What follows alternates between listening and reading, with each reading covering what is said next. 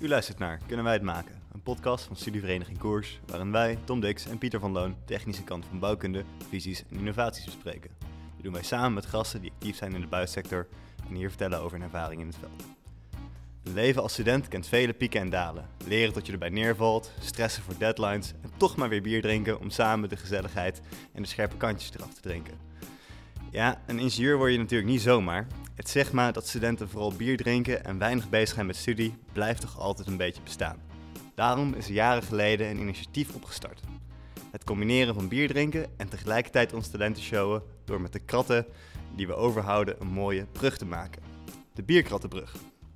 Daar waar talent en passie en gezelligheid samenkomen, kunnen geweldige dingen gebeuren. Zo lukte het om van de dames en heren van koers om in 2016 het wereldrecord neer te zetten op 26,69 meter vrije overspanning. Tot op de dag van vandaag is het nog niemand gelukt om dit record te verbreken, ondanks meerdere pogingen van studenten van TU Delft en Universiteit Twente. Vandaag gaan we het hebben over de Bierkattenbrug samen met Laura en Jelle. Hoe bereik je zo'n ding, hoe ontwerp je zo'n ding en hoe bouw je zo'n ding? En in mei gaat koers het record natuurlijk opnieuw verbreken.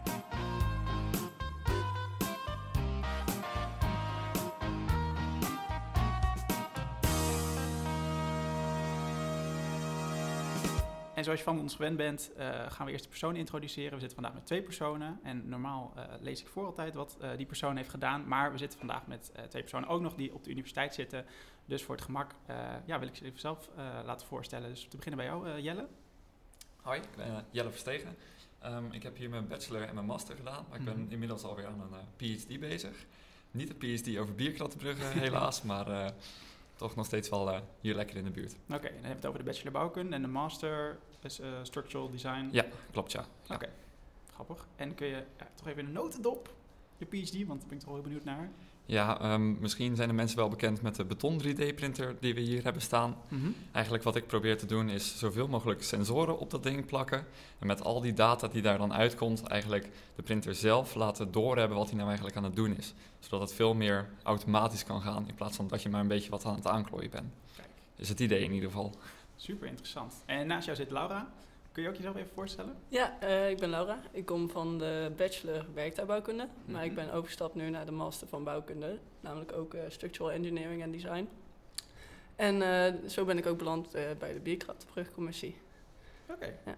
En welke rol heb je bij de Bierkrattenbrug? Ik zit in de uitvoering, dus ik moet zorgen dat de brug uiteindelijk echt komt te staan. Want ik kan een mooi idee hebben, maar als het niet uitgevoerd wordt, dan... eh, En misschien wel even leuk voor, het beeld eh, voor de luisteraars en eh, ook voor eh, mij die niet heel erg eh, geïnvesteerd is. De Bierkattenbrug is volgens mij een best grote commissie. Hoe zit die een beetje in elkaar? Ja, er zijn er 21 man eh, in de commissie volgens mij, als ik dat goed zeg. Het gaat nog een beetje heen en weer met mensen die nog net zo'n klusje eh, komen vervullen nu. Ehm, en dat is opgedeeld in eigenlijk drie commissies. Je hebt de hoofdcommissie die eigenlijk alles een beetje in eh, goede banen leidt. Dan heb je de constructieve commissie die eigenlijk het hele ontwerp maakt. En de uitvoerende commissie die ervoor gaat zorgen dat het, zoals Laura net al zei, er daadwerkelijk komt te staan. En eh, de datum, wanneer komt die er te staan? Vrijdag 13 de mei. 13e. Ja, vrijdag de 13e. Ah, kijk, dat kan alleen maar goed nieuws zijn. Oké, heel nice. En eh, Jelle, wat is jouw rol eh, binnen de commissie? Laura doet dus uitvoering. Ja, ik zit binnen het constructieve gedeelte. Dus Ah, ik heb er de afgelopen maanden flink wat aan lopen rekenen. Ja, ik ben heel benieuwd hoe dat gaat. Maar ja, daar, eh, precies. Ik ben heel benieuwd. daar komen we zo meteen over. Zullen we maar gewoon meteen eh, van start gaan met het vragenvuur? Ehm, Doe het. We hebben elke podcast hebben een vragenvuur. In dit geval weer eh, vijftal stellingen. Om even een beetje het gesprek op gang te krijgen en een beetje te prikkelen. Je mag er gewoon heel kort ja of nee, of waar of niet waar. Of in ieder geval één woord antwoord op geven. En dan kunnen we eventueel achteraf nog altijd een beetje, een beetje nuanceren als het nodig is. Ik denk dat we even beginnen. Dames gaan voren. Dus eh, aan Laura. Ehm, bouwen met bierkratten is als bouwen met grote bakstenen. Nee. Dat is niet waar. Nee, ook niet mee Ja, dat is meen dat het niet waar is. Dan stelling 2. Het ontwerp is belangrijker dan het materiaal. Ja, maar de uitvoering is belangrijker dan het ont- ontwerp. Eh, ook ja. Kijk, ja, interessant al wel.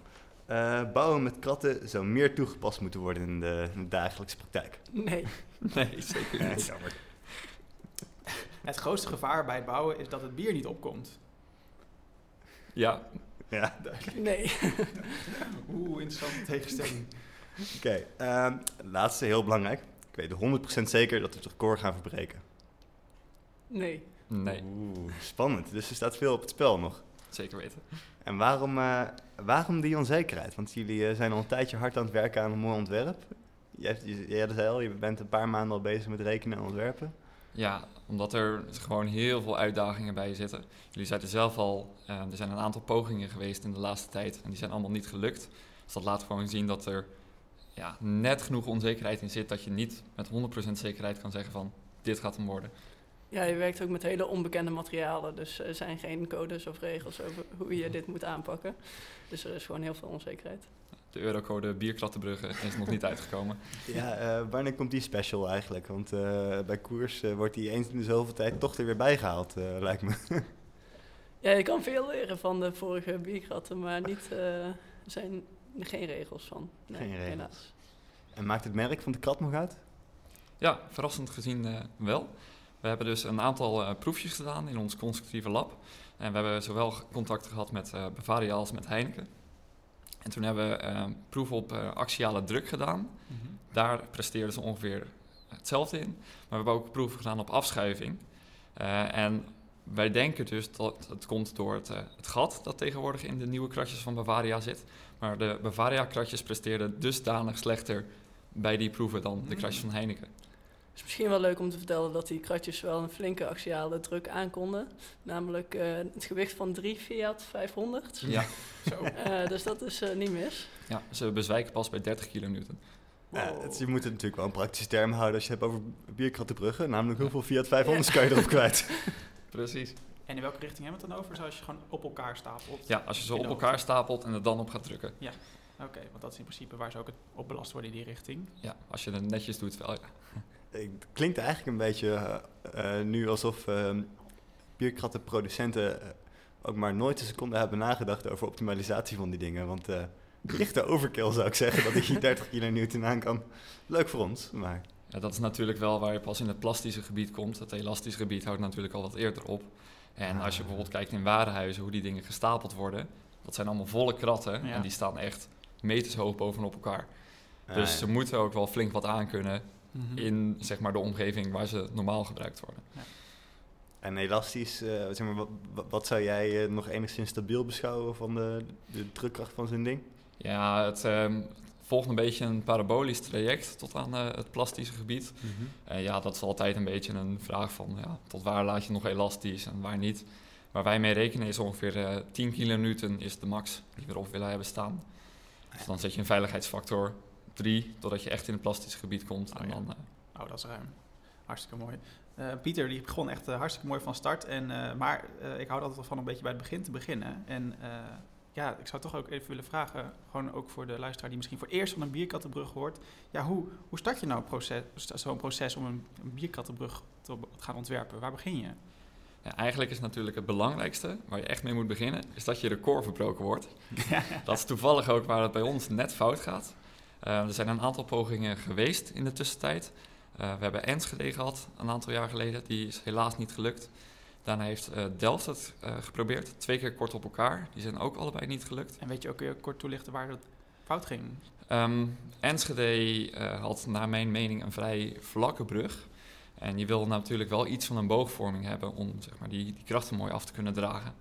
Eh, dus daar zijn in het midden zijn er kratjes tussenuit gevallen en dan geeft al snel een teken dat het eh, niet goed zit. En Delft ehm, heeft het dus twee keer geprobeerd met hetzelfde ontwerp. En die zijn eh, beide keren uit het vlak naar buiten geknikt. Ehm, of misschien wel door wind. Dat is natuurlijk altijd een beetje moeilijk te zeggen. Maar dat, eh, ja, het is daar wel mis op gegaan. En daar hebben we ook wel veel van geleerd. Dus daar zijn wij meer naar aan het kijken. Oké, En eh, Enschede gaat in eh, komend jaar maart of april nog een poging doen. Dus we hopen dat in de tussentijd ons record nog verbroken wordt. Ah ja, want het is natuurlijk een beetje flauw, of het voelt een beetje jammer om je eigen koord eh, te gaan verbreken, als Ja. ik het zo Ja. op- opvat. En eh, wat zijn de spelregels? Want we hebben het over een wereldrecord gehad en eh, we hebben nu het over records. Zijn er nog, eh, ja, wat mag je wel of niet doen? Eh, ja, maar eigenlijk is het heel simpel. Eh, de brug mag alleen bestaan uit bierkratten. Dus je mag ze niet aan elkaar lijmen of je mag geen andere hulpmiddelen gebruiken. Eh, je mag wel de kratjes vullen. Dus daar gaan we ook wel gebruik van maken. Wel met water, niet met bier helaas. Maar op de plekken waar het nuttig is, waar de kratjes wat zwaarder moeten zijn, gaan we ze vullen. Ehm, en verder moet de brug een uur staan zonder hulpmiddelen. En dat zijn de enige regels Oké. waar die aan moet voldoen. Ja, een uur is ook nog wel dusdanig lang dat ik me, dat ik me voor kan stellen als er even een windvlaag komt, dat je denkt... Ja, Dat wordt een uur eh, vol spanning. Eh, je zag ook in de brug van 2016 van Eindhoven dat hij eh, wat heen en weer bewoog door de wind. Hmm. Dus eh, ja, dat wordt nog wel kritisch. Want wind is, wind is dus gewoon een belangrijke factor. Want je ziet het bij Delft gebeuren, wat je zei, Jelle. Hoe gaan jullie ervoor zorgen dat dat dit keer gewoon niet fout gaat? Eigenlijk hebben we gekeken naar de locatie van de vorige brug. Eh, die stond ehm, op het begin van onze campus. En we hebben wat windexperts van onze faculteit gevraagd van... hey, is dit een geschikte locatie? En die zeiden, nee, het is grofweg de slechtste locatie die je had kunnen kiezen op de campus. Wow. Want er komt vanaf het station één grote lange windvlaag die daar precies op knalt. Hmm. Eh, dus wat wij nu gaan doen is dat we hem eh, op een andere plek op de campus tussen de gebouwen neer gaan zetten. Zodat de wind eh, in de lengterichting van de brug erop komt. Ja. Dan kan die natuurlijk veel meer hebben. En ehm, zijn er ook al studies gedaan naar de eigen frequentie van de brug? Of is dat voor de volgende generatie uh, bierkrattenbrug? Nee, we moeten ook nog wat overlaten voor de rest. Hè? Ja, ja, goed zo. Dat hij helemaal gaat opslingeren. Ja, je weet maar nooit. Hè? Als je net vervelend eh, mee gaat eh, zwaaien met de wind, dat zou toch, eh, zou toch lullig zijn natuurlijk. Want eh, even voor de goede orde. eh, Pieter zei net even in de introductie dat het huidige record, wat, je dus, wat we destijds onze vorige generatie bouwden, dat was 26,69 meter. En dit jaar gaan we voor. Oeh. Eh, het precieze getal mogen we niet zeggen, maar we gaan er flink overheen. Oké. Het wordt niet net, net eroverheen, maar uh, we willen waar, uitpakken. van waar die ambitie? Want je ziet al dat het meerdere pogingen fout gaat. Waarom is niet één metertje is veiliger, lijkt me? Ja, Enschede zit er dus nog tussen. En die willen Mhm. voor 36 gaan. Oké. En stel dat lukt niet, dan gaan we ons eigen record verbreken. En als je je eigen record verbreekt met een metertje, is het natuurlijk ook een beetje flauw. Oké. Dus dan willen we het ook meteen goed doen. Dus we kunnen constateren dat we zeker plus 36 zitten. Mhm. Kijk, dat is echt gigantisch, hè? Dat is echt insane. En over hoeveel... Sorry, ik vul me even graag aan. Over, over, over een beeld te krijgen voor de luisteraar van... Ja, een paar meters en 40 voetstappen, maar hoeveel kratjes gaan daarmee gemoeid? Ehm, ongeveer 11.000. Ehm, heb jij de eh, precieze getallen? Vanmiddag nog even nagerekend en we gaan even kijken. Op dit moment zitten er 10.562 kratten in het ontwerp. en grofweg de helft daarvan gaat in de boog zitten en de helft in de, de steunberen die we gaan bouwen. Maar Ja. we gaan zo meteen nog even uitleggen hoe het bouwproces precies in elkaar zit en dan Ja. komt dat wat meer naar voren. Ja, ja want daar was ik eigenlijk wel nieuwsgierig naar. Want eh, Laura zei al dat je de kratten mag je ook vullen. Ehm, je hebt het niet over steunberen, dus ik kan het wel ongeveer raden. Maar eh, waar, waar wil je gevulde kratten hebben? Ja, precies in de steenberen, dat eh, klopt. Daar wil je al het gewicht hebben en de boog moet eigenlijk zo licht mogelijk zijn natuurlijk. En de overspanning is dus echt tussen de steunberen. Dat, Ja. dat is wat je gaat meten. Ja, Ja. misschien om even te introduceren wat het idee precies is. Ja. Ehm, je wil een brug bouwen en omdat hij alleen maar zijn eigen gewicht hoeft te dragen, wil je dat met een, een boog doen. Dus eigenlijk hebben we dan het eh, kettinglijnprincipe gepakt. Ehm, best wel simpel sommetje op zich. Maar het idee is dus dat je een boog maakt in de vorm van een kettinglijn, zodat die zo optimaal mogelijk eh, zich kan gedragen. En het idee is dan nog dat we er eh, zeg maar spanning aan toe gaan voegen zodat ehm, eigenlijk overal in die brug waar mogelijk trek op zou kunnen treden, je het dicht aan het drukken bent. En dat doen we dus door middel van twee steunberen die je naar elkaar toe aan het drukken bent. En hoe druk je die naar, te- naar elkaar toe? Eh, we hebben een opstelling aan één kant van de steunberen, eh, waar we ja, vijzels eh, wegzetten. En eh, daarmee willen we dus de steunbeer iets naar binnen drukken, waardoor de brug dan een stukje omhoog komt. Oké, dus je gaat fysiek een van de twee steenberen eh, naar binnen duwen en dat wordt dan de voorspanning. Ja. Ja. Door ja. de, door en eh, die steunbeer willen we in het begin nog niet afbouwen, want eh, je wilt hem natuurlijk zo licht mogelijk hebben als je, als je gaat drukken. Eh, dus je gaat eerst drukken en dan bouw je hem af, zodat hij dan wel op zichzelf kan blijven staan. En dan moeten de vijzels ook weg, gok ik? Want je had het erover Ja. dat alleen maar de kratjes gebruikt mogen worden. Ja, dan moeten de vijzels inderdaad weg. Oké, dus je mag, eh, je mag meer materialen gebruiken om hem op te bouwen. Alleen eh, zodra je zegt het uur gaat in, moeten de vijzels weg. Moet alle, ik gok dat je ook stijgerwerk nodig hebt. Of, eh? Ja, Ja. dat moet er dan ook weer onderuit. Ah. Ja. Dus, dus wat is nou precies de volgorde? Dus eerst bouw je steunbeer 1, dan boog, dan steunbeer 2? Eh, ongeveer, maar we beginnen nog wel eerst met een, eh, ja, met een fundering, want we staan op een grasveld. En dat is niet helemaal gelijk. En als je een brug van 40 meter maakt, is het wel eh, belangrijk dat je ongeveer eh, Mhm. ja, dat, dat je precies bouwt. Eh, dus we maken twee, twee funderingen.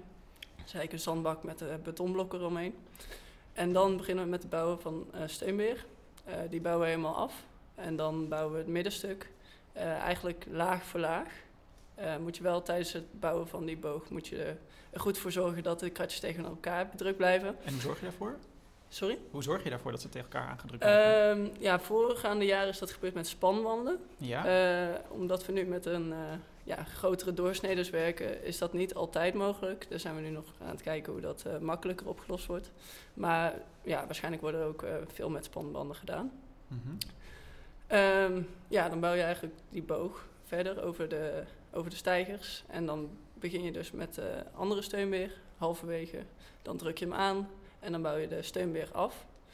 Eh, als het goed is, eh, kan je dan de stijger eh, rustig aan losmaken. Ehm, het is wel belangrijk dat het gemonitord wordt dat de brug niet gaat knikken.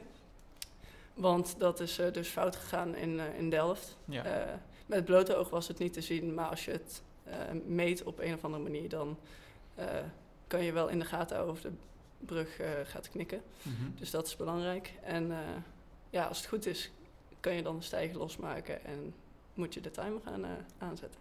Dat is misschien nog wel leuk om eh erbij te vertellen dat als je dus de livestream van de poging van Delft pakt, en je pakt dus op een aantal punten, pak je gewoon een screenshot, Mhm. eh, die zet je allemaal achter elkaar, dan zie je de brug dus wel al heel langzaamaan naar buiten komen. Ah, Oké. Maar op het moment dat je daar op die bouwplaats staat, dan gaat dat net langzaam genoeg dat je dat niet door hebt. Mhm. Ik stel me dan zo voor dat die, die eh, initiële uitbuiging heeft dan te maken met het feit dat die steunberen net niet verticaal stonden. Of is dat eh, moeilijk te zeggen? Want die fundering, kan me voorstellen, is heel belangrijk dat die perfect waterpas is. Ja, wat ook heel belangrijk is, naast natuurlijk die, die imperfecties, is dat je de stijger netjes laat zakken. Want je hebt eh, uiteindelijk gerekend met een, een drukboog. Ja. En wat je soms ziet bij pogingen is dat ze eigenlijk de stijger in het midden helemaal laten zakken. Dan gaan ze een stapje opzij, laten ze helemaal zakken. En eigenlijk wat je dan creëert is eigenlijk een soort van ligger in het midden. En hij is helemaal niet berekend op, op een ligger zijn. Ja. Dus dan gaat die brug allemaal dingen doen die je helemaal niet wil dat hij gaat doen. Mhm. En dat zorgt dus ook voor, eh, Dus hij moet uniform in één keer eh, moet die stijger naar beneden eigenlijk. ja, in de ideale situatie zou je in één keer zeggen van, had ze flat, nu is de zwaartekracht aan. Ja. Zo werkt dat dus helaas niet. Dus dat is echt eh, dat die stijger heel geleidelijk, stapje voor stapje, onder de hele brug vandaan komt. Ja. Ik kan me voorstellen dat het gewoon het hele rekenproces is vooral natuurlijk ge, ge- geëikt op het eind, de eindfase natuurlijk. Maar hebben jullie dan ook inderdaad eh, reken, doorrekeningen gedaan voor, ja, eh, tijdens het afbouwen van de stijger? We zijn dus ehm, nu op het punt waar we dus de eindfase helemaal afgemaakt hebben. En de uitvoering is daar dus nu mee aan de slag gegaan. En die zijn ook al met de stijgerbouwer eh, in gesprek. En nu gaan we dus beginnen aan het hele proces van ja, alle tussenstanden waar die eigenlijk in kan komen te staan. Wat kan daar nou nog gebeuren? Zijn er nog dingen waar we rekening mee moet, moeten houden? Dus dat is iets wat eh, in de komende maanden nog gaat gebeuren. Nog genoeg te doen dus. Zeker. Kijk. Ja, want eh, ik ben nog even benieuwd. Het is zo heerlijk om, ja, we zijn natuurlijk allemaal constructeurs, om heerlijk even een meer constructieve vraag te stellen. Want je zei net, eh, Jelle, over de kettinglijn is een vrij simpele regel, reken, regel. Maar je kan het zo complex maken voor je als je wil. En hoe ver kun je gaan eigenlijk met zoiets als een bierkrat? Kun je die echt in een FEM-pakket kwijt? Of hoe, ja, wat hebben jullie eraan gerekend? Ja, een van de grootste uitdagingen is natuurlijk, zoals we al zeiden, je weet net niet waar je mee aan het werk bent. Want die eurocode is er dus nog niet. Dus we hebben ehm, heel wat proeven gedaan in het lab, dat je wel wat eh, ideeën geeft over de materiaaleigenschappen. Maar uiteindelijk werk je natuurlijk nog steeds met een soort van losse blokken. En eigenlijk de regel die wij hebben aangenomen binnen de constructieve subcommissie is dat we, eh, we gebruiken dus wel FEM-pakketten. Dat we het eigenlijk als een 2D-plaat modelleren en daarmee dus een goed idee kunnen krijgen van hoe de spanningen nou door zo'n boog heen lopen. Maar we kijken niet echt naar de cijfers. Omdat het kan heel verleidelijk zijn om te zeggen van, oh, we moeten precies 20 kilonewton aan vijzeldruk aanbrengen. En dan dat je daar zo op gaat verkijken, dat je eigenlijk vergeet dat je al die aannames hebt gedaan en dus zo een fout gaat maken. Hmm. Dat is misschien wel grappig, want dit vragenvuur, de eerste vraag was... eh, bouwen met bierkratten is zoals met grote bakstenen. Jullie zeiden niet waar. Ehm, zit het dan een beetje daarin? Of waarom is het anders dan eh, doen alsof je gewoon met bakstenen aan het eh, stapelen bent? Eh, ja, ik denk dat het eh, principe van bouwen gewoon compleet anders is. Want met bakstenen stapel je op elkaar, gebruik je eh, cement eh, om het aan elkaar te maken. En ja, de bierkratten eh, die, die worden door schuifkracht aan elkaar gehouden. Omdat er kleine nokjes eh, natuurlijk aan de onderkant zitten, zodat die kratten mooi op elkaar passen. Dus ik denk dat dat het, een wezenlijk verschil is. En hebben jullie dan Ja. ook de afschuifkracht per stand berekend? Want je kan hem natuurlijk recht op elkaar zetten. Je kan hem een kwart verschuiven, of een half verschuiven, of drie kwart. Toch of niet? Ja, het gaat inderdaad ehm, per stapjes van 10 centimeter. Want je hebt van die notjes die allemaal precies eh, in elkaar vallen. En ehm, eigenlijk waar we naar hebben gekeken is dat je bij een bepaalde voordruk een bepaalde afschuiving aan hebben. En dat is dan afhankelijk van het oppervlak wat je hebt en de hoeveelheid voordruk en de twee materialen. Dus daar hebben we eigenlijk voornamelijk naar gekeken. En daar kun je dan vervolgens grove berekeningen mee maken. En ehm, ik heb al wel meegekregen, hij is flink geoptimaliseerd. Eh, Tenminste, eh, Geoptimaliseerd is een eh, gevaarlijk woord. Oké, maar- volgens mij heb ik wel een keer in de wandelgangen gehoord en gezien dat jij een lekker scriptje hebt lopen beunen om, om het boogje door te rekenen, klopt dat? Ja, we zijn vanaf het begin al bezig geweest met parametrische modellen. Ja. Dus dat kost in het begin heel veel tijd. Maar op het einde kun je dan echt in een sneltreinvaart gewoon honderden analyses in, in één avond doen eigenlijk. Dus ja, we hebben dus de afgelopen weken gewoon met dat model dat nu bijna af is, hebben we gewoon heel veel alternatieven doorgerekend. En dan telkens een discussie gehad over van, ja, wat zie je nou beter aan? Waar moeten we nog op letten? En zo zijn we geleidelijk aan tot een, een eindfase ontwerp gekomen. En dan kan je een beetje uitleggen wat waren de belangrijke parameters waar je naar hebt eh, gekeken? Nou, allereerst heb je natuurlijk dat als je twee kratjes op elkaar hebt, daar kan je niet aan trekken, want die komen gewoon van elkaar af. Ja. Dus dat is eigenlijk een van de belangrijkste dingen waar je constant naar op zoek bent. Van, kunnen er ergens trekkrachten optreden in die brug? Want wat je hebt is, als je die drukboog hebt, eh, dus zit binnen die boog, lopen die drukkrachten ergens. En wat je ehm, in zeg maar de, de niet voorgespannen fase hebt, is dat eigenlijk eh, de drukboog onderin begint. Dan in het midden van die boog loopt hij via de bovenkant. En aan de andere kant komt hij dan weer aan de onderkant aan. En op het moment dat je dan twee steunberen pakt en die hele brug een beetje naar binnen gaat drukken, druk je eigenlijk de drukboog omhoog. Dus de drukboog begint bovenaan de brug aan de zijkanten. Daarna komt hij aan de onderkant in het midden langs. En dan weer aan de bovenkant aan de andere kant. Als dat een beetje duidelijk is. Het, wordt in, het begint met een heel flauw boogje, om het zo te zeggen. Ja, als je dus kijkt naar hoe de drukkrachten binnen die boog lopen, dan, dan is het eerst, eh, gaat hij heel hoog door de boog heen. En daarna druk je hem een soort van plat. En daarmee zorg je er dus voor dat je de trekkrachten ehm, aan de bovenkant van de eh, boog aan het plaatsen bent, in plaats van dat die aan de onderkant optreden. Ja, ja. En als je nog meer eh, voordruk toepast, dan treden die natuurlijk helemaal niet op. Maar de hoogste drukkracht zit dan aan de onderkant. Heb je niet nog het risico dat die... Ja, ik denk het wel. Eh, maar heb je dan niet het risico dat als je te hard drukt, dat die gewoon naar boven plopt, als het ware? Ja, inderdaad. Wat je ziet is dat ehm, je de hoogte varieert een beetje van ehm, heel erg hoog aan de zijkanten naar vrij smal aan de binnenkant. En je ziet in die FEM-modellen dat als je er tegenaan begint te drukken, dat op een gegeven moment op het punt waar die dus naar dat, die smallere doorsnede gaat, trekkrachten onderin komen te zitten. Dus eigenlijk dat het middengedeelte, wat een wat minder hoge doorsnede heeft, een soort van naar buiten wil klappen. En Laura, hebben jullie nog eh, methodes eh, ontwikkeld of bedacht om tijdens het daadwerkelijke opbouwen een beetje in de gaten te houden waar die drukboog gaat zijn als je hem gaat voorspannen? Ehm, nee. nee, daar kan ik heel kort in zijn. Daar, daar hebben we niet, eh, nog niet naar gekeken. Ja, er zit nog geen druk op in principe. Je hebt natuurlijk die, die, die, die trekbanden natuurlijk inderdaad, maar die vijzel die komt op het, laat, op het laatst. En je gaat hem dus voorspannen, je gaat die beer naar, naar binnen eh, schuiven. Ehm, doe je dat gewoon eh, volgens berekeningen van het eh, constructieve team? Of eh, gaan jullie op, m- met sensoren monitoren of op het oog? Of, eh, Ehm, ja, we doen het eigenlijk volgens eh, wat het constructieve team ons, eh, ons heeft eh, aanbevolen.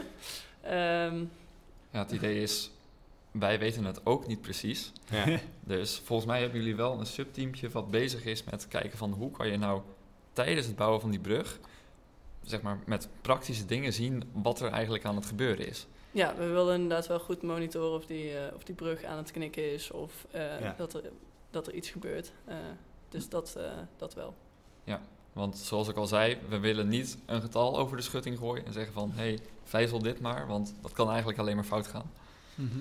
Noem maar eh 53,2 eh, centimeter en dan komt het goed. En Precies, Dan, eh, zeven decimalen achter de komma en dan... eh, Ja, want dat is vind ik echt wel even heel interessant. Als je dit even, dit is natuurlijk even in het klein natuurlijk in- binnen de universiteitssfeer. Dat is gewoon een studentenproject en het is allemaal heel erg leuk en enigszins serieus natuurlijk. Maar dit kun je makkelijk inderdaad een parallel trekken natuurlijk naar een serieus project inderdaad. Dat je gewoon, hè, we hebben het vaak genoeg over gehad, dat je als je kijkt naar de fragmentatie natuurlijk in de bouw. Je hebt natuurlijk de, aan de ene kant het ingenieursbureau die het uitrekent en aan de andere kant de aannemer die het uitvoert. En eigenlijk is jij dan hier dit ingenieursbureau en Laura is hier de aannemer en de uitvoerder. En wat je vaak hoort inderdaad, de kritiek is gewoon, ja, splintering, versplintering in de bouw, over de schutting wordt geworpen, geen feedback loop en zodo- zodoende ja, een langzaam, traag proces met weinig optimalisaties. Is er bij jullie wel echt eh, intensieve samenwerking van, we kunnen dit ontwerpen, dat is perfect, maar dan zou je het zo moeten bouwen en weer terug. gaat Ehm, dat? Ik denk dat het steeds beter gaat. Dat eh, we inderdaad nu ook bij vergaderingen van eh, constructief zitten en andersom. Mhm. Ehm, en we hebben ook een eh, avond gehouden waarin iedereen welkom was. Waar eh, we gewoon alles hebben doorgesproken van, van begin tot eind. Eh, dus ik denk dat dat redelijk, redelijk goed gaat binnen onze commissie. Ja, er is ook één iemand van het constructieve team inmiddels overgestapt op de uitvoering. Zodat je een zo goed mogelijke link hebt. Hm. En het is inderdaad, het wordt echt een focuspuntje dat je die, die communicatie goed houdt in de komende tijd. En eh, mag jij al bijna met uh, bierkrattenpensioen jellen? Of, eh, Gierkrattenpensioen. Wat bedoel je daarmee? nou, het constructief ontwerp is eh, zo goed als af, als het Ja. goed is. Ja, zo goed als. Eh, we hebben dus die kleine dingetjes zoals van, hey, als je de steiger op een bepaalde manier onderuit haalt, wat doet dat dan met de spanning in de brug? Maar onze taak eh, begint inderdaad afgerond te worden. En Laura krijgt het steeds drukker. Ja, wij, eh, wij eh, krijgen het steeds drukker inderdaad. We zijn nu eh, echt bezig met de globale planning. Eh, binnenkort eh, meer bedrijven benaderen voor eh, materiaal natuurlijk. En eh, ja, dan begint het voor ons eigenlijk echt pas. Dat is misschien ook nog wel een geinige, want eh, het waren 10.000 weet ik voor hoeveel kratjes ook alweer. Ehm, leuk, hoe kom je eraan? Ja, we zijn dus al een halfjaartje bezig met ze allemaal leeg te drinken, maar we zijn, schieten nog niet echt op. Allemaal alcoholvrij natuurlijk. Ja. Ja, dat waarschijnlijk wel. Eh, nee, we hebben natuurlijk eh, brouwers benaderd. Eh, die ons willen sponsoren voor eh, zo'n aantal kratjes. Dus die, eh, die hebben zoiets van, ah, dit is wel een mooi belachelijk project. Wij, wij willen jullie wel een paar eh, kratjes uitlenen voor, eh, voor de uitvoering hiervan. Ja, Of, gelukkig wel. Gelukkig zijn er eh, brouwers zo, eh, zo gul om ons die kratjes te, te lenen. Voor een bedrijf als Heineken zijn 10.000 kratjes natuurlijk ook maar een paar. Ja. Dus kijk hoeveel er die er in een omloop hebben. Oké, ja, bijzonder. Ik, werk, eh, ik werk zelf ook als barman en ik vraag me nu ook af, zeg maar, van ehm, hoeveel kratten kan je nog meer testen? Want een, eh een schroefkrat of een eh duvelkrat heeft weer hele andere dimensies en waarschijnlijk hele andere eigenschappen. Maar dat is misschien, eh, dan wordt het wel een heel gezellig feestje. 10.000 schroefkratten. En ik denk ook dat als je naar La Chouffe toestapt en zegt van... hé, hey, we willen 10.000 kratjes, dat ze gewoon omvallen. Ja, wordt misschien een uitdaging. Maar die zijn wel weer groter, hebben we weer eh, ja, anders gebouwd. Ehm, maar de Heineken kratten bevallen dus wat dat betreft eh, qua, qua sterkte, en vooral op de afschuiving was het, eh, Ja, klopt, ja. waren ze prima. Ja. Ja. die kwamen het best uit de test. Van de kratten die we dan hebben getest. Oké, maar we hebben dus heel veel kratjes, die zijn dus geregeld. Maar dat is zeg maar de, ja, de primaire behoefte voor de brug natuurlijk. Maar er komt meer bij kijken, zei je. De, de fundering natuurlijk en, en alles wat komt hebben. Wat, ja, wat missen we dan nog? Wat heb je nog meer allemaal nodig? Want ik kan denken aan vergunningen, hekwerk. Je moet, ja... eh, wat komt er allemaal kijken? Ja, natuurlijk een hekwerk, een eh, bouwkeet. Eh, we hebben ook eh, ja, bakken met water nodig om natuurlijk de kratjes te vullen. Ehm, ja, machines waarmee je die kratjes op ja, grote hoogte kan tillen. Ook zekeringen voor de mensen die natuurlijk op de, op de steiger staan. Ehm, ja, wat heb je nog meer nodig? Ehm, ik denk dat het daar wel, eh, dat dat wel de grootste dingen zijn. Dat is misschien ook goed om bij stil te staan, want we hebben het dus over eh, ruim 10.000 kratjes en het moet vrijdag de 13e in, eh, in mei klaar zijn. Ehm, wie gaat het bouwen? Als in hoeveel mensen heb je gehosseld? Uh, of robots. Of robots. Komt er een drone ja, we hebben nu. natuurlijk uh, 21 man commissie. Ja. hopelijk dat die er het grootste deel van de tijd kunnen zijn. Ook hebben we, willen we vrijwilligers regelen vanuit GEOS bijvoorbeeld en vanuit Koers. dus ik denk iedereen die mee wil bouwen is welkom. Ehm, en zo hopen we een groot mogelijke club bij elkaar te rapen. En is er al een grove planning van hoe lang de bouw uh, mag gaan duren? Uh, we hebben de locatie voor drie weken. Uh, ah, okay. Dus binnen die tijd moet het gebeuren. Hm. Want ik kan me voorstellen dat die brug van vorig jaar, die is natuurlijk als kinderspel vergeleken bij wat we nu willen gaan bouwen, dat het ook veel meer tijd kost. Omdat het gewoon simpelweg veel meer kratjes zijn. poging van 2016 bedoel je? Ja, sorry, die bedoel ik, ja. ja. Want die hadden een, uh, een leuke gimmick. Of, nou, ik noem het een gimmick, maar het was uh, flink uitdagend. Zij hebben dus over water heen gebouwd. Dus dat uh, maakt het hele verhaal een heel stuk ingewikkelder. En daarvan hebben wij gezegd van, dat laten we nu even links liggen. Wij focussen ons echt op de lengte. Mm -hmm. Hoe hebben ze dat gedaan? Gewoon stijgers, ook tijdelijke overspanning over, het, over het water? Ja, dat was een hele stijger die over de dommel werd gebouwd. En dat was... als ik die mensen erover heb horen praten, was het echt een nachtmerrie. Mm, overbodig complex gemaakt uh, eigenlijk. Heel leuk, maar nachtmerrie. Maar het is wel een echte brug dan, over Ja, water. Dat is wel extra cool natuurlijk. Ja. Ja, en als het uiteindelijk gelukt is, dan was het het allemaal waard waarschijnlijk. Ja, maar dat lijkt me helemaal de nachtmerrie. Als die dan uit het vlak knikt, dan dat die kratjes in de rivier belanden. Er zijn zeker speciale maatregelen voor genomen. Dat niet heel de dommel vol lag met... eh, Milieudelict. ja. Ja, ze hadden toen netten erin liggen, want eh, de gemeente Eindhoven was zo bang dat vanaf hier tot aan het eind van de dommel het helemaal vol zou liggen met kratjes. Ja. Dat, Nou, dan haal je nog eens het nieuws, volgens mij. Maar dat is dan misschien ook een van de redenen dat jullie eh, dit jaar er redelijk ruim overheen kunnen. Omdat je gewoon een makkelijker bouwterrein hebt wat dat betreft. Ja, we hebben dus inderdaad de, de wind en de, ja, het feit dat we niet over water bouwen zijn wel twee voordelen. Eh, ja, dat hebben we denk ik wel echt nodig om die eh, grotere overspanning te halen. Ik ben echt heel erg benieuwd naar mij. Ik kijk er echt heel erg naar uit. je mag ook een dagje komen helpen als je wil. Ja, ik kom wel even een keer een kratje sjouwen, denk ik. Wat ik me ook nog eh, afvroeg, gek, we praten hier natuurlijk eh, super nuchter en normaal over en har- hartstikke interessant natuurlijk. Eh, misschien komt het omdat het gewoon ook nog eh, in de ochtend is, maar ik vroeg me af, is dit nou echt een Nederlandse traditie? Is er ook, want we praten over Nederlands records, of zijn het, zijn het world records? Weten jullie daar iets van? Zijn Ja. er, eh, pogingen buiten de grenzen? Het is dus een wereldrecord, maar dat is voornamelijk omdat een bierkratjes is echt een voornamelijk Nederlands ding. En in België en Duitsland heb je het ook wel een beetje, maar dat, is- ja, dat is toch niet hoe het eh, bij ons eraan toe gaat. Hm. En we hebben voordat we aan deze poging begonnen ook wat eh, HBO's gecontacteerd. Van hey, lijkt het jullie niet leuk om hier aan mee te doen? Want het record is dus nog niet verbroken. Ja. En er waren wel wat, eh, wat enthousiastelingen, maar dat is nog niet van de grond gekomen. Ja, want er komt wel bij kijken. Hè? Wat je zegt, 21 man, meer dan een jaar eh, zoet mee. Ja, precies. En dan, je moet natuurlijk ook een locatie fixen. En je moet voldoende mensen hebben, zoals je al zei. En je moet een brouwer hebben die eh, bereid is om je zoveel kratten te geven. Mhm. En dan hebben wij nog geluk dat de Unie het volgens mij allemaal wel mooi vindt. Dus dat die er ook wel eh, bereid zijn om in mee te helpen. Maar er komt Mhm. veel bij kijken. Oké, dus wat dat betreft kijkt de hele wereld naar Nederland als het gaat om deze expertise. Ja, En daar hebben jullie ook wel voordeel gehad aan, eh, aan jullie voorgangers dan, denk ik, met de, wat betreft locatie op de universiteit eh, regelen. Want er was gewoon eh, een mailtje uitsturen naar, eh, wat was het vorige e-mailadres ook alweer? En eh, oké, of... eh, We zijn er weer. eigenlijk wat we vooral aan onze voorgangers hebben gehad, is die eh, hoeveelheid kennis die eruit kwam. Want die hebben natuurlijk dat hele proces grondig doorlopen. Dus we hebben al meerdere avonden gehad waar we gewoon met eh, meerdere mensen van die vorige commissie hebben samengezeten. Waarbij ze gewoon eigenlijk alleen maar tips over ons heen aan het strooien waren. Ja. En daar hebben we heel veel van geleerd. Want dat is nog wel grappig eigenlijk, want 2016 is op zich best wel recent.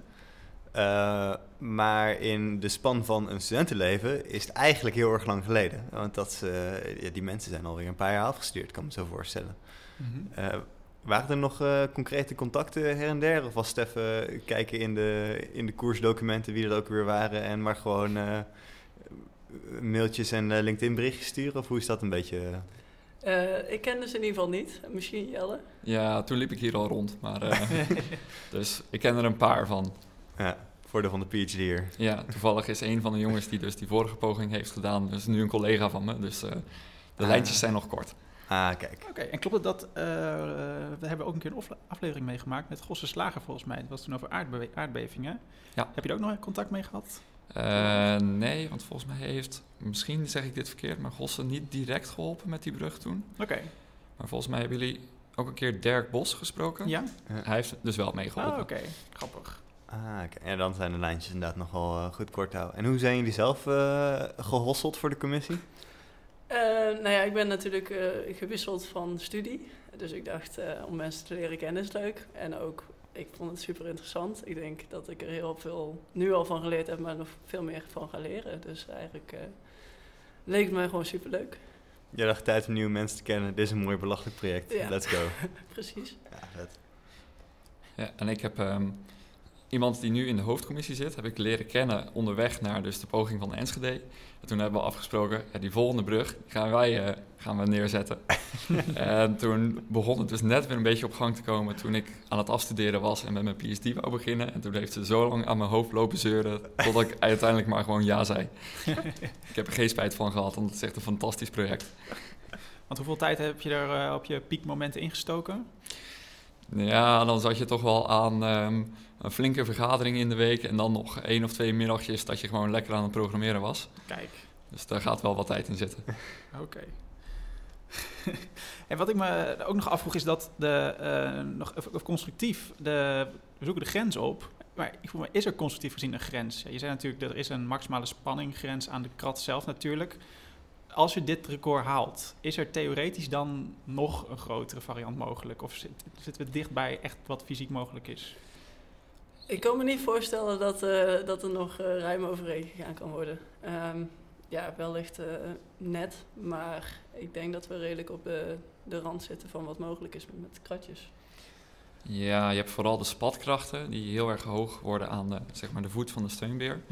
En daar wordt het, eh, wordt het wel hoog op een gegeven moment.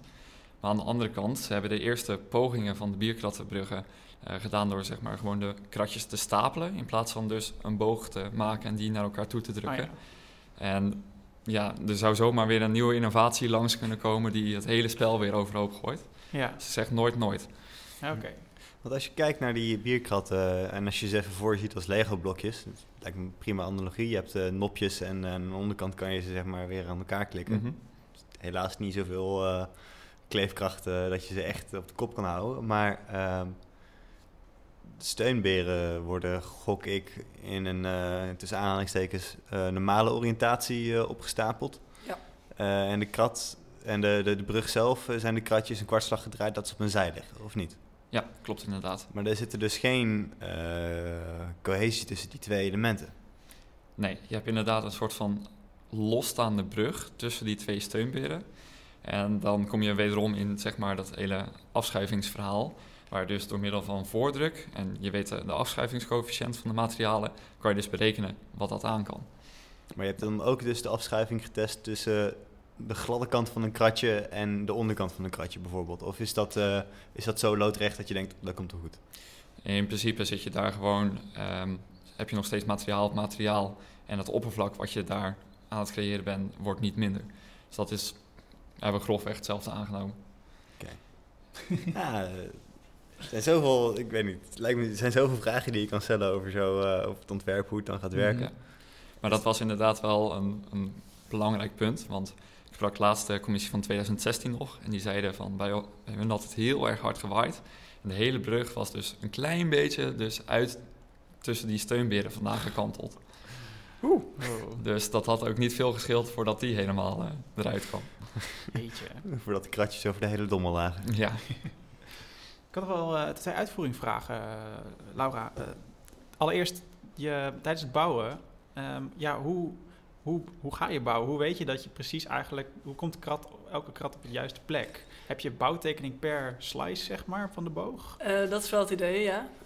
Ja, natuurlijk is denk ik het belangrijkste dat iedereen weet waar die op dat moment aan het bouwen is. Mhm. Ehm, dus we hebben ook, we willen in ieder geval twee keer per dag een briefing geven, zodat iedereen goed op de hoogte is.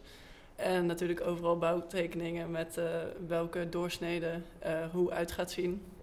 Ehm, goed nummeren van de, van de doorsnedes. Dus dat je die aan elkaar maakt met bijvoorbeeld een spanband en dan een nummer opzet, zodat hij niet Ah, op de verkeerde plek kan komen.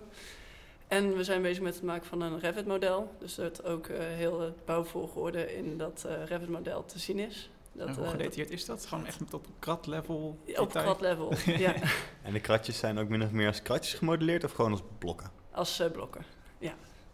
Maar dan is het in ieder geval duidelijk eh, hoe, voor iedereen hoe je het aan gaat pakken. Eh, hoe je het net zei, dat je de, de doorsneden die maak je met spanbanden aan elkaar. Ehm, ik had eerst een heel ander beeld in mijn hoofd en ik denk dat nu pas het kwartje is gevallen.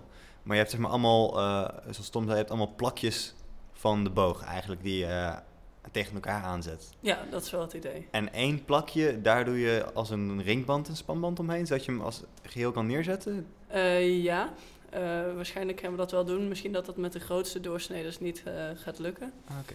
Ehm, Maar wat dat betreft heb je dus eigenlijk allemaal geprefabriceerde elementjes. ja, dat is wel het idee. En Ah. dan moet je ook nog zorgen dat die, die, die, ja, die lagen goed tegen elkaar gedrukt worden. Dus er komen ook ho- horizontale spanbanden die natuurlijk die, die, eh, ja, De die krachten ophouden. Ah, oké. Ah, oké. Ik denk, bij, bij de- toen ik hoorde spanbanden, dacht ik eigenlijk alleen maar eh, tussen de lagen door, zeg maar. Ja. En niet eh Nou ja, ook. Maar inderdaad, de, de doorsneders bij elkaar houden is ook een... eh, ah, oké. Dus je hebt wat dat betreft waarschijnlijk een, eh, een grondteam en een, eh, en een stijgerteam of zo eh, Ja. als je gaat bouwen. ja, waarschijnlijk wel. Ah, oké. Je hebt natuurlijk ook wel dat als je die twee, eh, twee steunberen naar elkaar toe gaat drukken, dan kan je wel wat speling dichtdrukken voordat je echt spanning aan gaat brengen. Dus Ja. je kan wel een beetje Ja, cheat dat- daarmee. hebben we ook heel erg gezien met het schaalmodel. Want we hebben in de zomer hebben we een schaalmodel gemaakt van ongeveer 10 meter overspanning. Daar hebben we ook heel veel van geleerd. Ehm, maar daar hebben we ook gezien dat je heel veel bij elkaar kan drukken voordat de kratjes echt goed tegen elkaar gaan zitten. Dus dat er heel veel Hm. kleine kiertjes en zo eh, ook eh, zijn. En dat was met 10 meter, dus laat staan hoeveel dat is met, eh, met de overspanning die wij gaan eh, Ja. maken. Ja, met de geheimzinnige 30 plus eh overspanning. Ik dacht heel even dat je hem ging zeggen. X. Maar eh, de, de tweede uitvoeringvraag die ik had is, eh, nou, als hij eenmaal staat en hopelijk het record gehaald is en iedereen een biertje drinkt, ehm, dan moet, is er een punt dat hij weer afgebroken moet worden. Eh, dat lijkt me ook wel een hele klus nog. Is, Ja. Hoe is daarover nagedacht? Eh, idealiter zou je eigenlijk het bouwplan eh, andersom willen doen. Eh, nu hebben wij een beetje tijdsnood, want wij moeten in een weekend moeten wij het ook weer zo grotendeels afbreken, omdat het veld weer vrijgemaakt moet worden. Dus we gaan het op een iets snellere manier proberen. We willen de stijgers weer onder de brug, ehm, zorgen dat de brug in ieder geval niet kan vallen.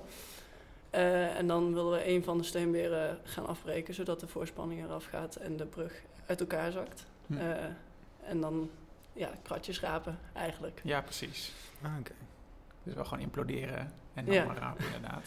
Dat is het idee. Maar dat moet natuurlijk wel heel eh, voorzichtig eh, gedaan worden. Want je wilt niet dat de steunbeer ineens gaat omvallen of dat er andere Mhm. dingen gebeuren. Dus dat, dat, Want hoe doe je dat terugvijzelen? Want ik kan me voorstellen dat je dat wel één kant op kan drukken, maar je kan hem niet trekken met de vijs, of wel? Nee, je kan hem niet trekken. Maar als het goed is, drukt de boog wel naar buiten. Oké. Eh, dus als je de steunbeer ver genoeg afbreekt, dan zal dat... eh, Oh, dan gaat hij vanzelf wel. eh, Ja. Grappig. En, en ehm, is er contractueel afgesproken met de brouw, brouwer zijn er afspraken van. ehm, ik kan me voorstellen dat zeker als hij implodeert, of nou helemaal als hij tijdens het bouwen omvalt, dat we absoluut niet hopen dat dat gebeurt. Maar dat er een, niet alle kratjes de strijd overleven. Oh, hebben jullie uh, gezegd van nou, er mag 1% of een promiel mag ja, on, ja, Sneuvelen. breken, sneuvelen. Ik weet niet wat er precies is afgesproken, eerlijk gezegd. Zou ik ook echt niet weten. Eh, maar ik weet dat er in ieder geval in de eindoverpoging van 2016 er wel wat kratjes eh, zijn gesneuveld. Ja. Eh, dus dat, eh, ik denk dat eh, de brouwer er vanaf weet dat, eh, dat niet alle kratjes misschien heel uit eh, Ja. terugkomen. Maar wel grof. Wel een groot aantal. Ja. We hebben er natuurlijk ook al een aantal gesloopt in het lab. Dus eh, Mhm. er missen er al wat.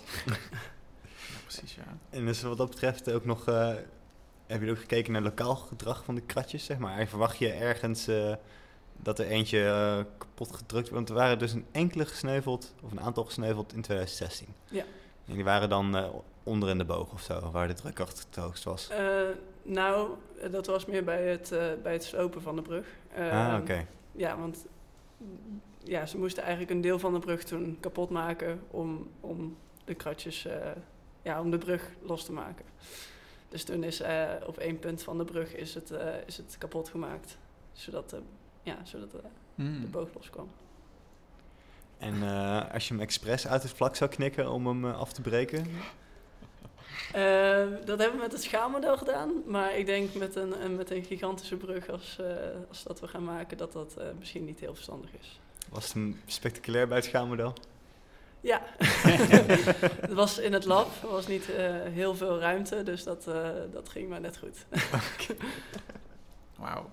Hey, en ehm, kijk, als je materiaaleigenschappen wil bepalen, de, het is heel, natuurlijk heel belangrijk, wat is de betrouwbaarheid van je, van je materiaal? Hoe, hoe voorspelbaar is het? Aan de ene kant heb je natuurlijk beton.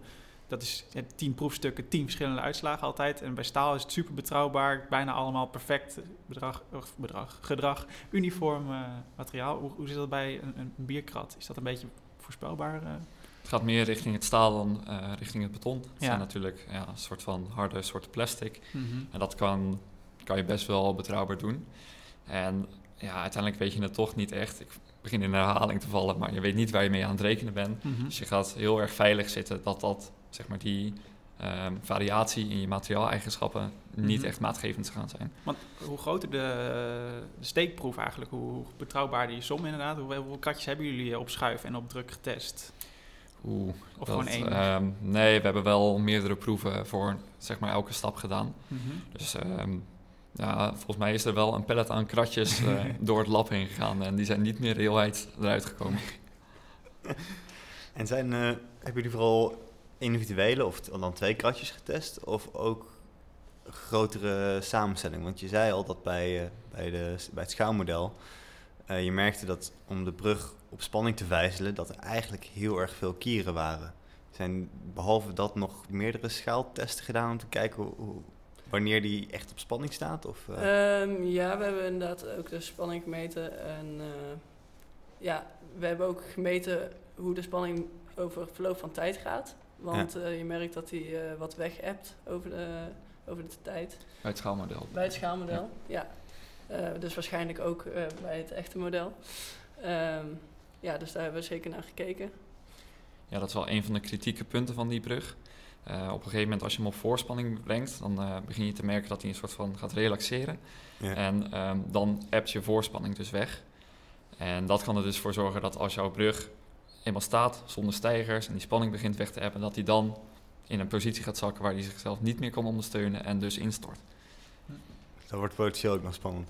Maar met de, met de voorspanning hebben jullie dan ook berekend, of ingeschat in ieder geval, hoeveel je moet duwen voordat alle kieren überhaupt dicht zijn? Of wordt dat nog een ter plekke eh, monitor dingetje om eh, in de gaten te houden? Ik denk dat dat een eh, ter plekke eh, monitor dingetje wordt. Ja, Ja, het is dus heel gevaarlijk om te gaan zeggen van, oh ja, we moeten precies zoveel drukken. Want als, ja, als, hij heel, als uitvoering het heel goed doet, waar ik alle vertrouwen in heb, dan zit hij natuurlijk perfect op elkaar. En als je dan een bepaalde afstand gaat drukken, dan, ja, dan klapt hij naar boven uit. Terwijl als het wat minder soepeltjes gaat en er zitten wat eh, oneffenheden in, ja, dan heb je dus de kieren nog niet eens dichtgedrukt op het moment dat je de poging gaat doen. Dus we zijn Ja. Echt op zoek naar een soort van praktische, eh, praktische dingen. Dat je daar kan zien van, hey, zit die brug al op spanning of niet?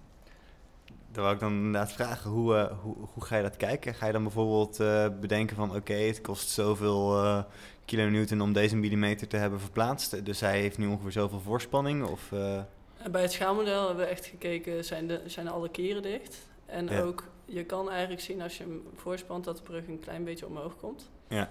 Ehm, dus dat willen we ook inderdaad goed eh, monitoren. Dus als die een beetje los van de stijger komt, dan zou er eh, genoeg voorspanning op kunnen zitten. Hm. Dus het wordt eh, denk ik meer eh, ja, kijken tijdens de poging hoe de brug zich gedraagt dan, eh, dan echt kilonewtons meten.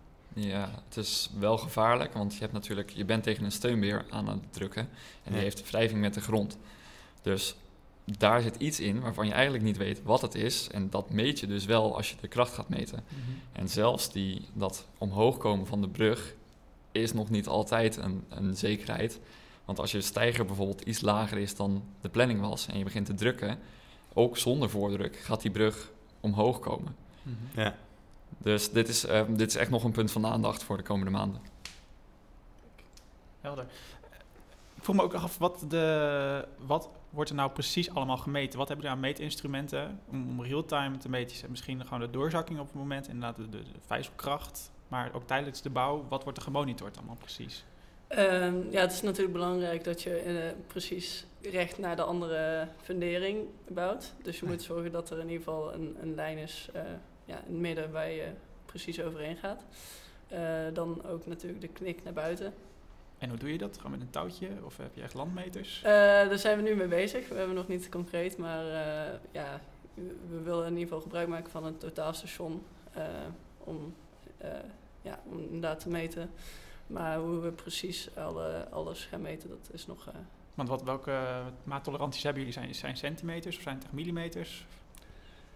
Ehm, ik denk niet dat het gaat lukken in millimeters. Dus het zal gaan over centimeters.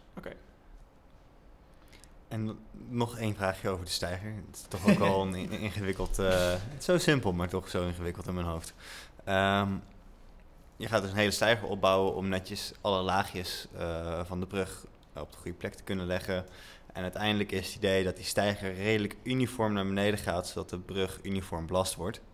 En dan blijft die staan met een, eh, een vrije ruimte van een paar centimeter om te laten zien, hé, hey, de brug staat. Of gaat de stijger echt weg tijdens het uur? Het dat idee je- is nu om eh, inderdaad de stijger op een soort van rails te plaatsen. Waardoor je hem ook echt onder de brug vandaan kan krijgen. Want Ah, ja. ja. dat maakt het nog net iets spectaculairder. Anders is het plaatje natuurlijk een beetje... eh, ja. ja, dan denken mensen, oh, is die wel los? Ja. Nee, dus dat, eh, dat wilden we wel doen. In 2016 hebben ze het uur dat ze de poging aan het doen waren, hebben ze de stijger er nog onder laten staan. En daarna hebben ze hem eronder uitgereden. Dus dan kan je mooi foto's maken dat hij weg is, maar stel er gaat iets mis tijdens de poging, is niet meteen je hele brug weg. Hmm. Ah, Oké, dus als, eh, ja, dan kan je nog even ingrijpen en eventueel proberen opnieuw te vijzelen of wat dan ook. Ja. Opnieuw vijzelen gaat niet lukken, want die steunbeer is al afgebouwd. Maar wat ze bijvoorbeeld hadden in 2016 is dat tijdens het uur dat ze de poging aan het doen waren, de wind opeens echt flink op kwam zetten. Dus eh, ja, die brug die begon zo heen en weer te gaan dat ze hebben gezegd van oké, stijgen weer omhoog. Eh, we pauzeren de, de poging even. En die zijn dan twee uur later opnieuw begonnen aan, aan zo'n uur. Hm. Dus eigenlijk wil je dat, dat plan B wel achter de hand houden. Ah, Oké. Ja, wat is er, is er een plan B bij jullie? Als er, is er een slecht weerplan of als er een tornado langskomt? Eh, nog niet. Oké, want jullie hebben qua, je hebt drie weken inderdaad vrijstelling voor het terrein. Ja, daarna moet elke krat weg zijn. Eh, dus ja, je kan, hoeveel kun je permitteren aan uitloop of bouwvertraging? Ehm, ja, we, heel weinig eigenlijk. Omdat het, de week daarna eh, moet het vrijgemaakt worden voor een ander evenement.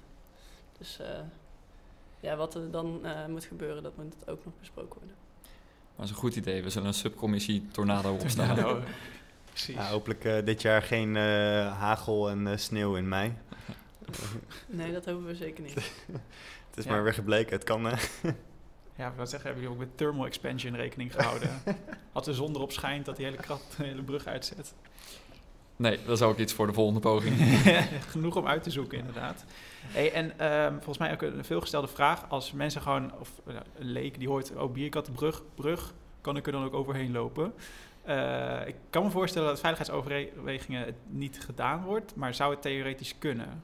Of zeg maar, is die kracht van een mens, die belasting, is die verwaarloosbaar ten opzichte van andere krachten? Nee, dat zou je echt eh, makkelijk kunnen doen. We zouden Mhm. met de hele commissie op kunnen gaan staan, maar inderdaad, voor de veiligheid doe je dat niet. Mhm. We hebben wel ehm, ooit een keer voor een lustrum tentoonstelling eh, die we hier hadden in de faculteit, hebben we tussen twee eh, flinke kolommen eh, zo'n brug gebouwd. Dus dat waren eigenlijk de steunberen. Ja. En ehm, ja, daar, dat was een overspanning van 8 meter of zo. Mhm. En die zat zo stevig in elkaar dat we gewoon met de hele lustrumcommissie toen daar een foto op hebben gemaakt. Dus het kan zeker. En je viel ook niet in een diep ravijn als je eraf zou vallen. Daar de hoogte- Nee, dat scheelt ook.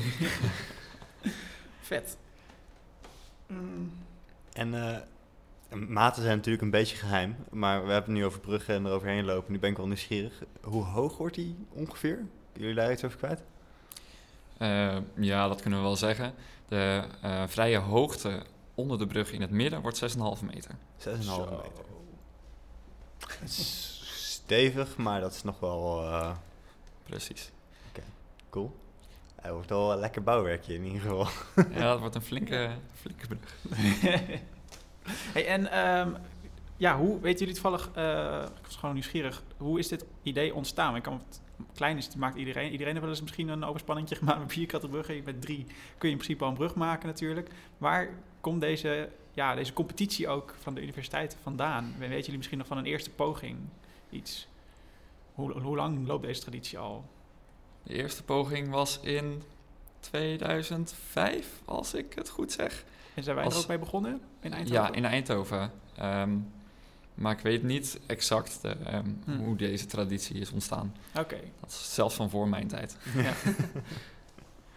Ah, redelijk jonge traditie. Mhm. Eh, en misschien ook niet onbelangrijk. Als mensen dan denken, oké, oké, vet, eh Bierkattenbrug, komt in mei, leuk. Ehm, waar is men op de hoogte van deze mooie Bierkattenbrug? Kunnen we nog iets volgen voor de ontwikkelingen? Of eh, hoe eh, wordt het evenement, evenement georganiseerd? Eh, jazeker. Eh, we hebben sinds kort een site, bierkrattenbrug.nl. Dus daar Nice. kan je iets van de geschiedenis lezen en van de commissie en onze voortgang. Dus daar kan je ook een, een mooi filmpje van ons schaalmodel zien. Zeker leuk om te bekijken. En we hebben een Instagram, eh bkb-koers. Dus die kan je ook zeker volgen. En dan krijg je af en toe dan een mooi filmpje of een foto te zien van een testje of een updateje. Of, Ja, precies. En als mensen denken, ik vind dit echt een super mooi project. Ik zou graag een dagje willen komen helpen met bouwen. Kunnen ze gewoon even bij koers langskomen en dan nou, zetten we ze in de planning. Kijk, dat is natuurlijk eh, niet onbelangrijk. En de, de dag zelf, eh, groot feest? Jazeker. Als het lukt. Het is altijd natuurlijk, eh, ah ja, ja, als het lukt, is het niet onbelangrijk. Eh, Mhm. maar jullie hebben flink wat, eh, en je hebt natuurlijk een groot veld vrijgevraagd ervoor. En eh, er zullen Ja. vast ook nog wel biertjes genuttigd mogen worden. Er is ook een deel van het veld eh, gereserveerd voor een, eh, een feest. Ja, Oké. dus dat komt er ook aan. Valt het nog samen met een, eh, een open dag bijvoorbeeld of een andere activiteit waardoor er mensen bij zijn? Of is het echt eh, daar geen rekening mee gehouden? Eh, het is op een, eh, op een vrijdag. Dus Oké. in principe zijn er dan nog voldoende eh, studenten op de universiteit. Mocht het met corona goed lopen. Dus we denken dat er wel genoeg publiek is. Oké. En natuurlijk als je, je had drie weken om op te bouwen. Hè? Mhm. Dus dat is ook eh, gratis reclame, zullen we maar zeggen. Ja, Ja. precies. En waar ik nog benieuwd naar was, is dat de, de, de toe- toepasbaarheid, zeg maar, de kennis die je natuurlijk opdoet, los van natuurlijk je, je pro- projectmanagement, en je werkt samen in een team, eh, gewoon wat, wat hiervan heb je geleerd, vraag voor beide, wat je echt daadwerkelijk kan gaan toepassen eh, later en wat ook misschien een goede tip kan zijn voor de volgende generatie om hier aan mee te doen. Eh, heel stuk planning. Eh, natuurlijk, ik, ik heb nooit zo'n groot project daadwerkelijk uitgevoerd. Eh, het is meestal op de universiteit dat je heel een mooi idee hebt, maar de uitvoering, dat, eh, dat doe je dan nog niet echt. Eh, dus ik denk dat ik daar heel veel, eh, heel veel in leer. Wat je zeker kan gaan toepassen later, Ja, ongetwijfeld. Zeker. Ja, en ik zit zelf natuurlijk in het onderzoek. En eigenlijk is dit precies hetzelfde verhaal zoals dat ik nu met die betonprinter aan het doen ben. Hmm. Je hebt geen idee wat je aan het doen bent. en je moet heel systematisch maar eens na gaan denken van... hé, hey, hoe kunnen we daar nou achter komen? Op welke Hmm. manier kunnen we sommetjes opstellen? Dat we toch iets kunnen zeggen. Grappig. En Ja. natuurlijk alle soft skills die je eh, krijgt van in zo'n team werken. Dat is ook heel belangrijk. Mhm. Kijk. Grappig dat het gewoon een- bijna één op één parallel is inderdaad qua methodiek met normaal wetenschap. Ja. Als je maar systematisch te werk gaat, hè, is wetenschap. Of het nou gaat over een bierkrat of... eh, Tomprinten. Ja. Kijk, mooi. Hebben jullie dan nog ook een, een, eh, een, een laatste tip voor mensen die geïnspireerd zijn? Ehm, zeg maar voor mensen die niet in Eindhoven studeren... organiseer hem zelf een keertje. Hartstikke leuk. Kijk, het project heb ik zojuist gehoord. Ja, duurt maar anderhalf jaar of zo voor 20 man. Dus komt helemaal goed. Peanuts. Nog wijze woorden van Laura? Nee, ja, ik sluit me eigenlijk helemaal aan bij Jelle in deze. Ah, top. Nou, eh, Laura en eh, Jelle, eh, leuk dat jullie kwamen. Mooi om te horen over, eh, over toch wel dit liefdeskindje van koers. En eh, over eh, ja, de flinke voorbereiding die erin gaat zitten. Mij zien jullie wel eh, voorbij komen bij, eh, bij de bouw. Ik kom, eh, kom graag gewoon een paar kratjes sjouwen. Ik heb er zin in. Wij ook. Ja, dankjewel voor het gesprek. Ik vond het superleuk. Het was echt, eh, je, denkt natuurlijk op het eerste oog, ja, bierkratten, bruggen, studenten, zuipen en zo. Maar het is echt rete serieus volgens mij en mega complex eh, hoe, hoe er wordt naar gekeken. En dat blijkt wel uit dit gesprek volgens mij. Dus eh, ik vond het superleuk om met jullie een keer dit gesprek te mogen voeren. Dankjewel. Graag gedaan. Graag gedaan. Dit was hem dan weer. Eh, u luistert naar Kunnen we het maken? Gepresenteerd door mij, Tom Dix. En naast mij zit Pieter van Loon. Tot slot willen we de commissie, eh, die heeft geholpen deze podcast te maken, bedanken. En natuurlijk jij bedankt voor het luisteren. Ehm, ja, wil je graag reageren op deze aflevering? Dat kan natuurlijk. Dan moet je even mailen naar podcast.koerstue.nl uh, Of door ons te volgen. We hebben ook een Instagram. Dat is dan weer @koersief.